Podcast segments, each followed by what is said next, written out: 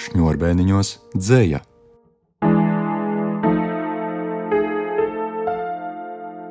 Režisore Māra Čimele.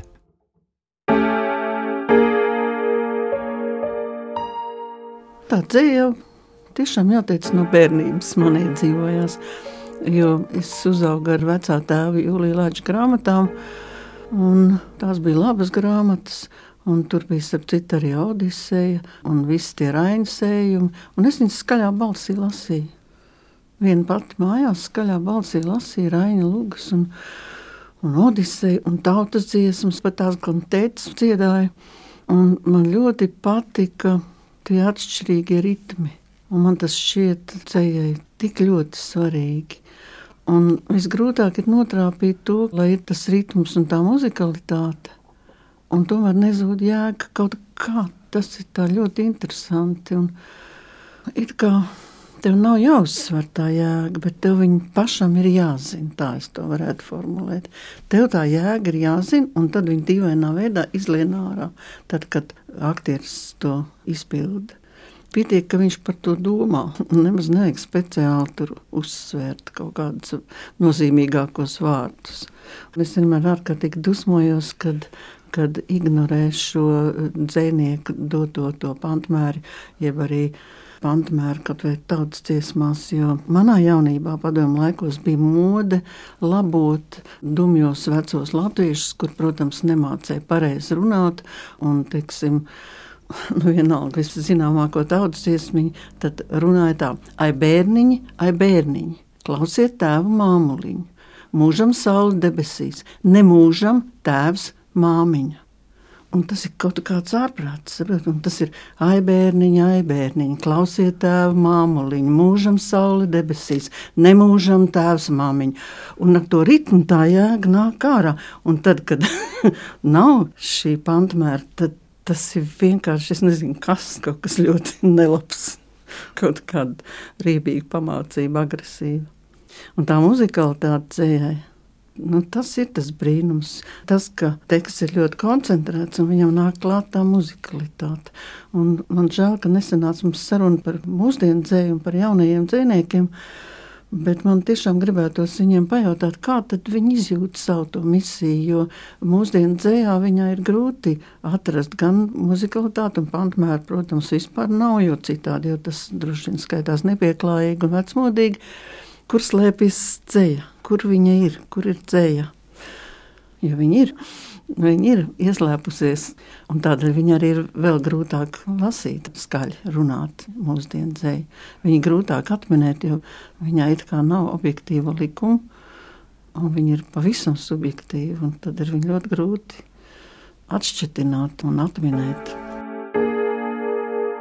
Tā kā tu man saki par mūsdienu dzēju, kas ir grūtāk šifrējamam, tad uzreiz man nāk prātā Marta Pujāta. Mēs braucām pa aizaugušu upi. Upe bija lausta. Uz āru tai iznācis upes kauls. Taču drīz vien ap upes garan profila lūzumu sākās recēšanas un dzīšanas procesi. Tad upe ielūza citviet, uz āru citviet iznāca upes kauls taču drīz vien ap upes garan profila lūzumu sākās recēšanas un dzīšanas procesi. Uz āru nākot, upes kaulam, dzīstot un recējot, upe bija izveidojusi vecupi, taču nevis sānā vai malā, bet virs. Virs upes bija vecupe, uz āru iznācis un ārā palicis upes kauls es tur sajūtu kādu tādu upes traģiku. Un reizē arī, protams, nu, tāda ironija, kas piemīt, man liekas, dziniekiem kopš 80. gada beigām, mūsu dziniekiem. Un tagad tikai, manuprāt, pēdējā laikā jaunie dzinieki sāk prast rakstīt bez ironijas. Jā, man liekas, ka mums visiem tā ironija ir piemitusi. Mantu kroma. Durvis paliek vaļā. un kāpnes uz leju un ielu, pa kur tā aizēja ienāk pie manis. Zilas kāpnes, zila iela, zils ir viss, pa ko tu aizēji, zils kā tālums. Es redzu caur sienām, kā tu aizēji, bet nesen man piederēja necaurspīdīgas sienas, kad gaidīju tevi. Es pieskāros tām ar plaukstu un priecājos, ka esmu likstā. Es nevis redzēju, bet es zināju, ka tu nāc šurp pa ielu, pa kāpnēm uz augšu, pa dzeltenu ielu, pa dzeltenām kāpnēm. Dzeltens ir viss, pa ko tu atnāc, dzeltens kā tuvums. Ja sienas ir necaurspīdīgas, tad tā vairs nav līgsta. Man ir ērgļa redzīgums. Es redzu, kā tu aizēji pa 500 ielu. 500 iela zila kā tālums ienāk pie manis. Durvis paliek vaļā.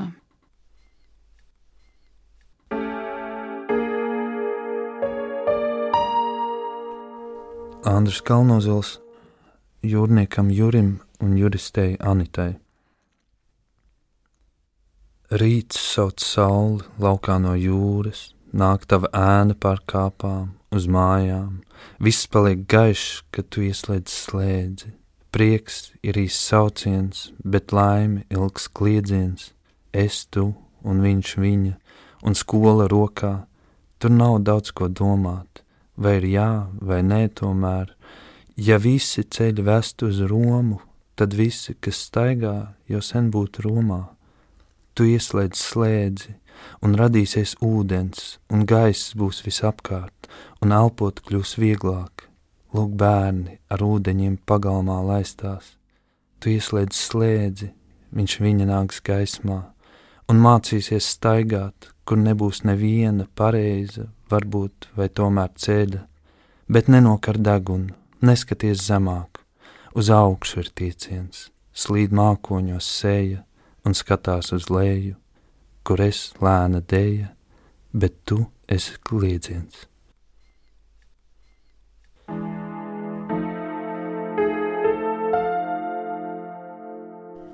Ir kā tulkojuma. Tulkojam. Tiešām. Jā. Īsnībā baigi interesanti, ka tie dārgie dzējoļi, viņi jau visu laiku mainās. Viņi. Nu, skaidrs, ka mainās, bet tādēļ arī tos bijušos dārgos vajag ierakstīt. Tos, jā, tieši tā viņi tik ilgi ir bijuši dārgi, ka viņi ir pelnījuši. Jā, jo būs jauns intereses, un tad tu vairs tos nu, nerunās, nelasīsi.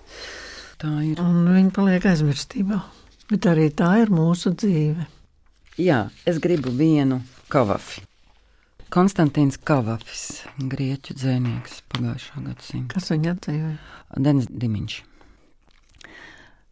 Itaka. Kad tu dosies ceļā uz Itaku, vēlies, lai ceļš būtu garš, pilns piedzīvojumu, pilns atziņu. Laistrigona un kiklopa un niknā poseidona nebīsties, tādus savā ceļā nekad nesastaps, ja vien domāsi cildeni un ļausies smalkam gara un miesas pārdzīvojumam. Laistrigonus un kiklopus un nežēlīgo poseidonu nekad nesatiksi, ja viņus nestiepsi sev līdz dvēselē, ja vien dvēsele tos nenoliks tev priekšā. Vēlies, lai ceļš būtu garš, lai būtu daudz vasaras rītu, kad ar tādu prieku un līksmi iebrauks vēl neredzētās ostās. Piestāja fēniķiešu tirgos, nopērc sev skaistas lietas, perlamutru un koraļus, dzintaru un melnkoku un tīksmīgas smaržas bez skaita, iespējami vairāk tīksmīgu smaržu, apceļo daudzas eģiptiešu pilsētas un mācies, mācies no zinošajiem. Vienmēr paturi prātā itaku. Nokļūt itakā ir tavs galamērķis. Bet nesteidzini ceļojuma gaitu.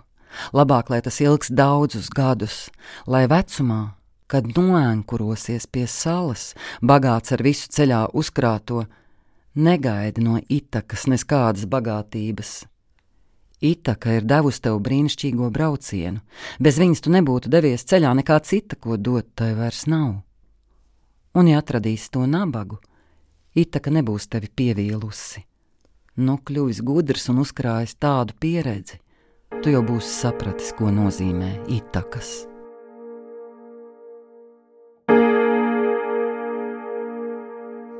Visi četri aktieri, Guna Zariņš, Kaspars Notiņš, Jana Čiepžēlī, Vars Krasts, kuri bija iepriekšējos rādījumos, man šķiet, ka visi mazliet padomājuši, sacīja, ka tieši izrāda dzēja kopā ar tevi tapusī ir, ir tā, kura viņus vairāk pietuvināja dzējai. Un šī kompānija nolasījās, es pat nezinu, kā.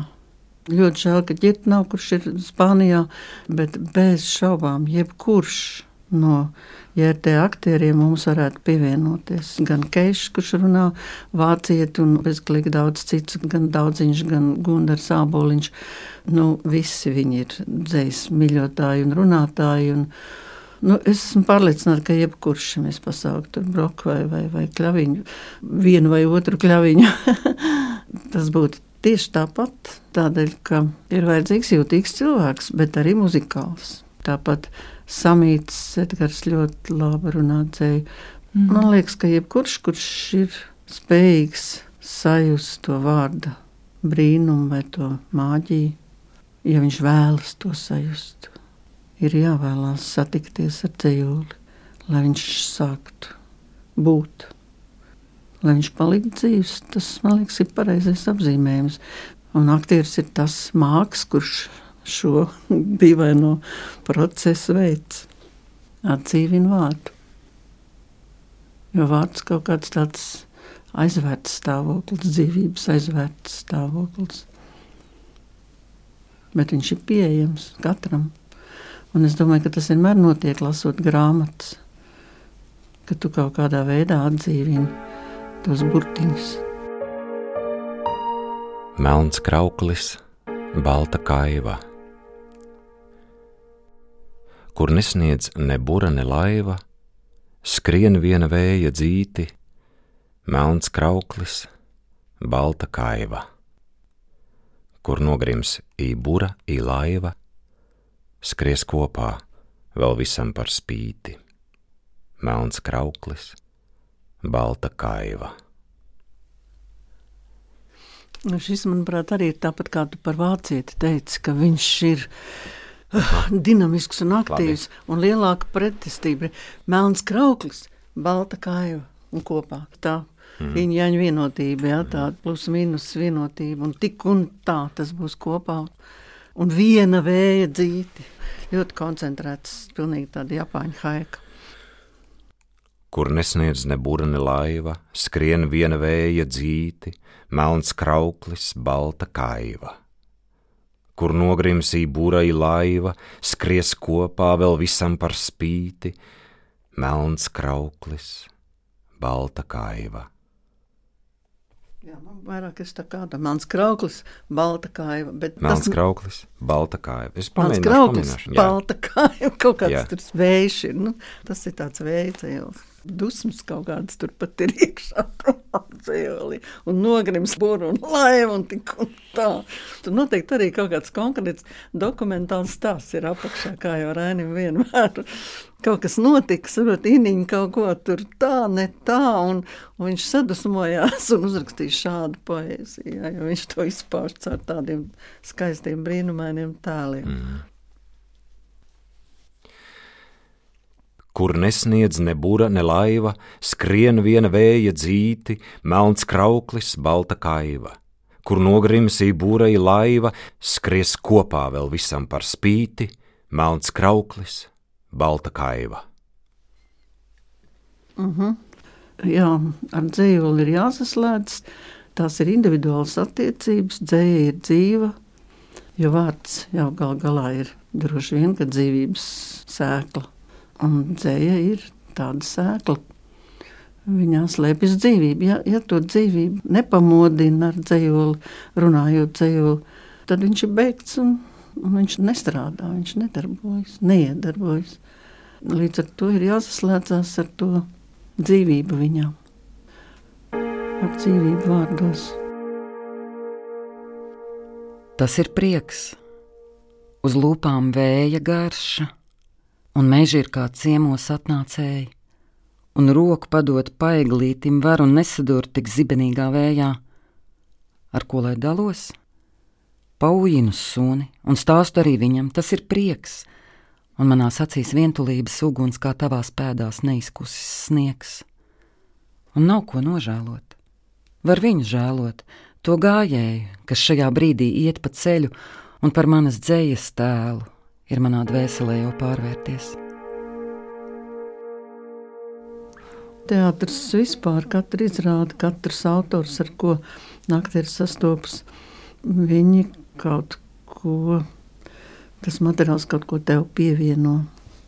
Jo satikšanās ar jebkuru autoru, un īpaši jau tādiem lielajiem cilvēkiem, lielajām personībām, kā Šekspīrs vai Čehovs, vai viņi taču ir pilnīgi brīnumaini cilvēki, un, un tu caur to apgūsti tādu nezināmu teritoriju. Pat negribās teikt, tu bagātinies, tas banāls skan, bet eh, pavērās vēl kaut kas, un vēl kaut kas, ko tu dzīvē varbūt ar notikumiem, savas personīgās dzīves notikumiem, tu tos neizdzīvosi. Nepagūsi, jo tas ir laikietilpīgi. Jo, jo tur nāk līdzi matērija ar visiem notikumiem un laika nepieciešamību. Un uh, dramaturģija, tāpat kā dzēja, Tas ir ļoti koncentrēts, eh, koncentrēta pieredze, es tā gribētu teikt. Un aktieris izspēlējot šādu koncentrētu pieredzi, viņš viņu iegūst, viņš šo pieredzi iegūst ar šo koncentrēto materiālu. Tas ir droši vien tā kā iedzerts, nezinu, maz zirnīt vitamīns, un viņi tomēr koncentrētā veidā tev kaut ko dod. Un, manuprāt, būt teātra zonā tas ir brīnišķīgi, tas ir Gan es gribu teikt, tas ir izdevīgi. Tas ir izdevīgākais veids, kā pavadīt savu dzīvi. Jo, jo tu gūsti tādu pieredzi, kādu tu vienā normālā, lineārajā laika tecējumā nevar dabūt. Un tā ir tāda paralēlā dzīve, tā ir laika dubultošana un trīskāršošana. Un, un dzēja šajā ziņā ir īpaši, jo tas ir koncentrēts. Koncentrēta pieredze no šī konkrētā autora. Un tādēļ atšķiras, ja, jo ir šķidrdzēja, un, un viņi neko tur tev nepavēsti jaunu. Un ne jau tādā primitīvā nozīmē jaunu, ko tad tur jaunu, bet, bet katrs izdzīvots mirklis, teiksim, kā Guna runā Velga Krīlijā, nu tur katrs, katrs tas ir izdzīvots, tas ir tāds blīvums, un tu izējot ar šo dzējoli, tu tā kā arī to apgūsti. Un tad jaunībā, kad es strādāju radio, mēs iestudējām, teiksim, Raņa Indulunāriju. Nebija jau tādas pieredzes, bet es atceros, kā man gribējās salikt pa tembriem tos personāžus. Jo es domāju par to, ka ir tikai auss, ir tikai klausās, un ka tas tāpat kā orķestrī, ka ir taču atšķirīgi ļoti tembri instrumentiem, un aktieriem tāpat jābūt ļoti atšķirīgiem tiem tembriem. Un atceros, kā Indulim Kārlis Auškāps. Man liekas, ka tas ir tāds trāpījums, viņa balss skaņa, kāda viņa ir, un arī viņa tā dzējas izjūta. Man visas domas bija pie dzimtenes, kas ir man atraut kā gabals miesas, ko lāča un nāga izplēš cīkstoties. Te acis apžilbina svešāts spēks un visu trauc un rauc un aizrauj prom un dara neskaidru kā sila tērci, kur dzerdams pāri gājis tirnu bars. Ak, es to zinu, mīļais, es to zinu. Par viņu visi minezangi dzied, to sauc par mīlu, saldo mīlu. Tā saldā mīla, tā man rūkta top, tā mani pušu lauž kā akmens trauku. Zinu, indu laimīgais tā mīla. Es viņu nezinu un negribu tā vīra spēkus kauja. Man sirds top nespēcīgi viņu nesot, man kļūdās acis un ausīs skaņas jūk, kur rubens rūca. Es dzirdu lakstīgalu. Caur zirgu zviegsmi zīle, saldi svelpji. Jau sviežot greizi nogāja reizes čēps, jau ūģis brīnojās, jau citi smējās. Ir roka reizēm gursti, kājas stingst. Tā viņa mulsina. Bet rokām nebūs gurt, nedz kājām stingt, un šķēpam mestam nebūs greizi iet. Es likšu robežas, kas lauku šķir. Ak, saldā mīla nezina robežas. Tā mīla mani lauž, it tevi lauzīs. Es labāk gribu pašu mīlu laust, kam sniedzas vienot to, ko liktenis šķir un pašus vienojamos samaļ pirmos. Še baltas miesas. Lūk, še zilais dzels. Nu, vieno viņus. Ja to var spēt. Es neļāvu pārvērst par prózu to raidzīju un gribu apgalvot, nepaliek viņa nesaprotamāk tad, ja lūgu, lūgas tekstu runā dzējā. Viņi uztveram vēl vieglāk, vēl labāk uztveram. Un tādēļ īpaši šiem gadsimtos atcijātajiem autoriem, kuriem ir tā kvalitātes zīme nepārprotama, šie mūsu ģeniālie cilvēki, nevajag ignorēt viņu radīto formu. Nevajag nojaukt to formu un iet viņai līdzi. Un, protams, ka aktieris liek kaut ko klāt, un atkal savukārt ir grūti noformulēt, ko tad viņš liek klāt. Piemēram, Pēters Lūdzu. Mēs ierakstījām arī daudz ceļojumus. Es ceru, ka ir saglabājies uh, radiofondos. Un pirmkārt, viņam ļoti tāda silta, īpaša balss, bagātīga, bet viņa spēks bija vienkāršība. Viņš ņēma to ceļu tā kā tādu maizi un, un runāja saprotami, vienkārši uztverami, ļoti sirsnīgi. Man ļoti patika, kā viņš runāja dzēju. Un viņš to darīja labprāt, un tad, kad mēs salasījāmies teiksim, pēc izrādes vai kaut kur kādā kompānijā, un ļoti bieži aktieri gāja pie viņa, tad viņš vienmēr runāja dzēju. Viņš daudz zināja dzējuļus no galvas. Ja mans dziedonis, paskaties, kā vecis met tīklus. Cik nesteidzīgi viņš to dara, it kā nebūtu bijis ne pirmā, ne otrā pasaules kara. Paskaties, kā vecis kopja bites. Viņš noņem bišu spietu no zara. Cik mierīgi, cik nesteidzīgi viņš to dara. Paskaties, kā vecis alu dara. It kā viņš nezinātu, ko alus dara. Cik mierīgi, cik nesteidzīgi vecis visu to dara, it kā priekšā viņam vēl būtu mūžība gara. Bet, ja nu vecis zina, ka viņš ir daļa no kāda stara, Varbūt viņam priekšā arī ir mūžība garā, un varbūt tad mūžībai un vecim pašam ir ļoti nosvārā, lai visu tā svētā mierā dara. Jā, un ar Lūdzu ļoti interesanta tā satikšanās dzējoļos.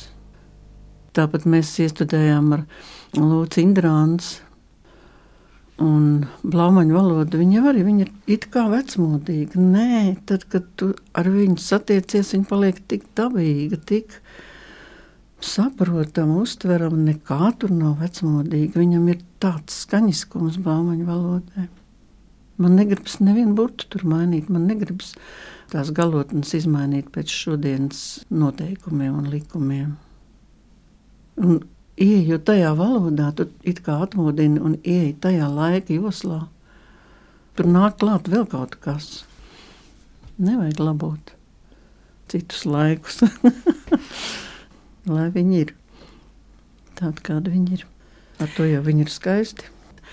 Un, piemēram, man gribas teikt, ka muzikāli cilvēki un, un teiksim, skaņu cilvēki skaņu režisori, kuri ļoti pievērš uzmanību skaņas kvalitātei.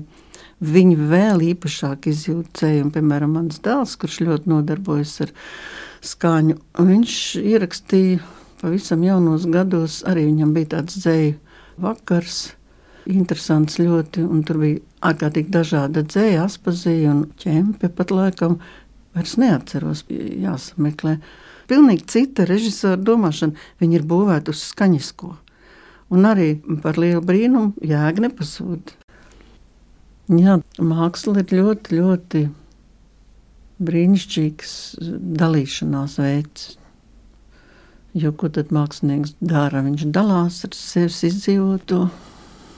Māksla palīdz izdzīvot cilvēkiem. Man vismaz noteikti, pilnīgi noteikti. Man vienkārši māksla palīdz izdzīvot. Jo dzīve nav viegli izdzīvojama. Un nav viegli panesama, nav viegli izturama. Un, un es domāju, ka dzēja pilnīgi noteikti palīdz izturēt.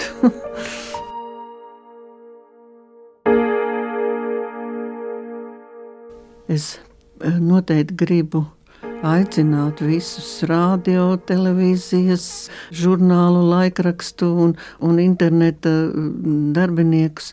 Iepludinam ikdienā dzēju, lūdzu, lūdzu, daram to tādēļ, ka Latvieši mīl dzēju, tas tik banāli skan, bet tā tas ir. Un kurš gan tagad tur ņems kaut kādu grāmatiņu, kaut kādu jaunu dzinieku un, un vakarā pēc smaga darba tur lasīs, ja, centīsies saprast. Nu, tas nav iespējams. Bet, ja mēs iepludinātu dzēju visur, visur, katru dienu, ikdienas skaņās, braucot ar mašīnu un skan tur pārraide vai, vai muzika, un atskan viens dzējols, un, un mēs viņu sadzirdam. Un un, un to atver Rīgas laiku, un tur ir jaunākais, ģeniālākais latviešu dzēnieks, visnesaprotamākais un visfilozofiskākais. Un tur ir tikai viens dzējols, nevis tur milzīgs raksts par viņu. Viena dzējola, tu taču ir tik vienkārši kaut kur iepludināt mūsu dzīvē. No rīta pamostoties viens dzējols, vakarā gulēt ejot viens dzējols. Mums ir nepieciešama dzēja ikdienā, nevis kaut kādā speciālā dzējas vakarā. Jau. Un es esmu pārliecināta, ka mūsu dzīve ar to kļūs vienkārši foršāka. tas ir nepieciešams, tas ir vajadzīgs. Un, un tādēļ jau mēs esam, lai, lai, lai cilvēkiem palīdzētu piekļūt pie dzējas un, un pie kaut kā tāda tik ekskluzīva. Jo dzēja patiesībā ir ļoti ekskluzīva lieta, elitāra lieta. Bet, Kad tu vienreiz viņu izlasi, tu neko nesaproti, kad tu otrreiz izlasi, tev jau kaut kas piesaist, un tad, kad tu atkal dzirdi vēl kaut kur, un tev vienā brīdī atveras, un, un tev pielec, kas tur ir, tu ieraug to skaistumu. Tā skaistuma klātbūtne jau arī ir pilnīgi noteikti nepieciešama. Un skaistums jau ir ļoti noslēpumaina lieta. Tu atceries to sonetu? Es varu kļūdīties ja no galvas. Lasīšu. Tur jums jāaicina ģirds, lai viņš atnāk un norunā. Tagad es teikšu, neģirt, tu nepareizi viņu runā. Viņš man vienmēr sita pēc tam, kad es, nu, garīgi sita, jā, jā. tā, jo es viņu nepratu lasīt. Vislabāk to lasa ģirds krūmiņš. Šekspīrs. Kad beigsies gaitas manas, reiz šajā pasaulē, un mani aizvedīs uz vēso cietumu, kur nebūs izpirkšanas, tad paliks atmiņai tev dzējas rindas šīs. Tās rakstītas ir tev, tās mana daļa labā. Viss kopā izjustais, ko zinām tikai mēs, kas zemes dāvāts man, to zeme ņems un glabās, bet daļa labākā, mans gars, tev piederēs. Jo viss, kam liktenis ir bojā, aiziet lēmis, ir dzīves pabiras, šī miesa, kurai zust un kurai dzīvību varbūt būs nazis ņēmis, lai trulais noziegums tad tevis aizmirsts dus, kas manī vērtīgs, paliks ceļoļos un tevī dzīvos, kad pārlasīs tos.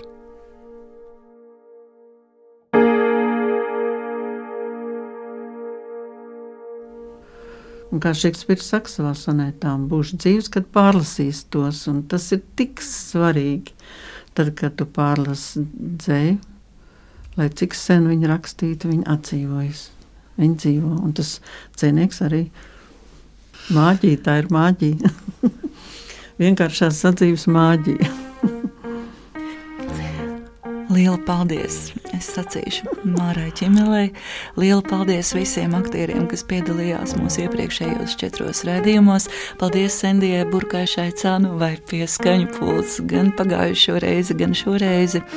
Man bija prieks jūs visus radio gaidīt, un es ceru, ka dzēja tiešām klasikā nebeigsies. Te bija arī es, Sandriņa Zvecka, un uz tikšanos!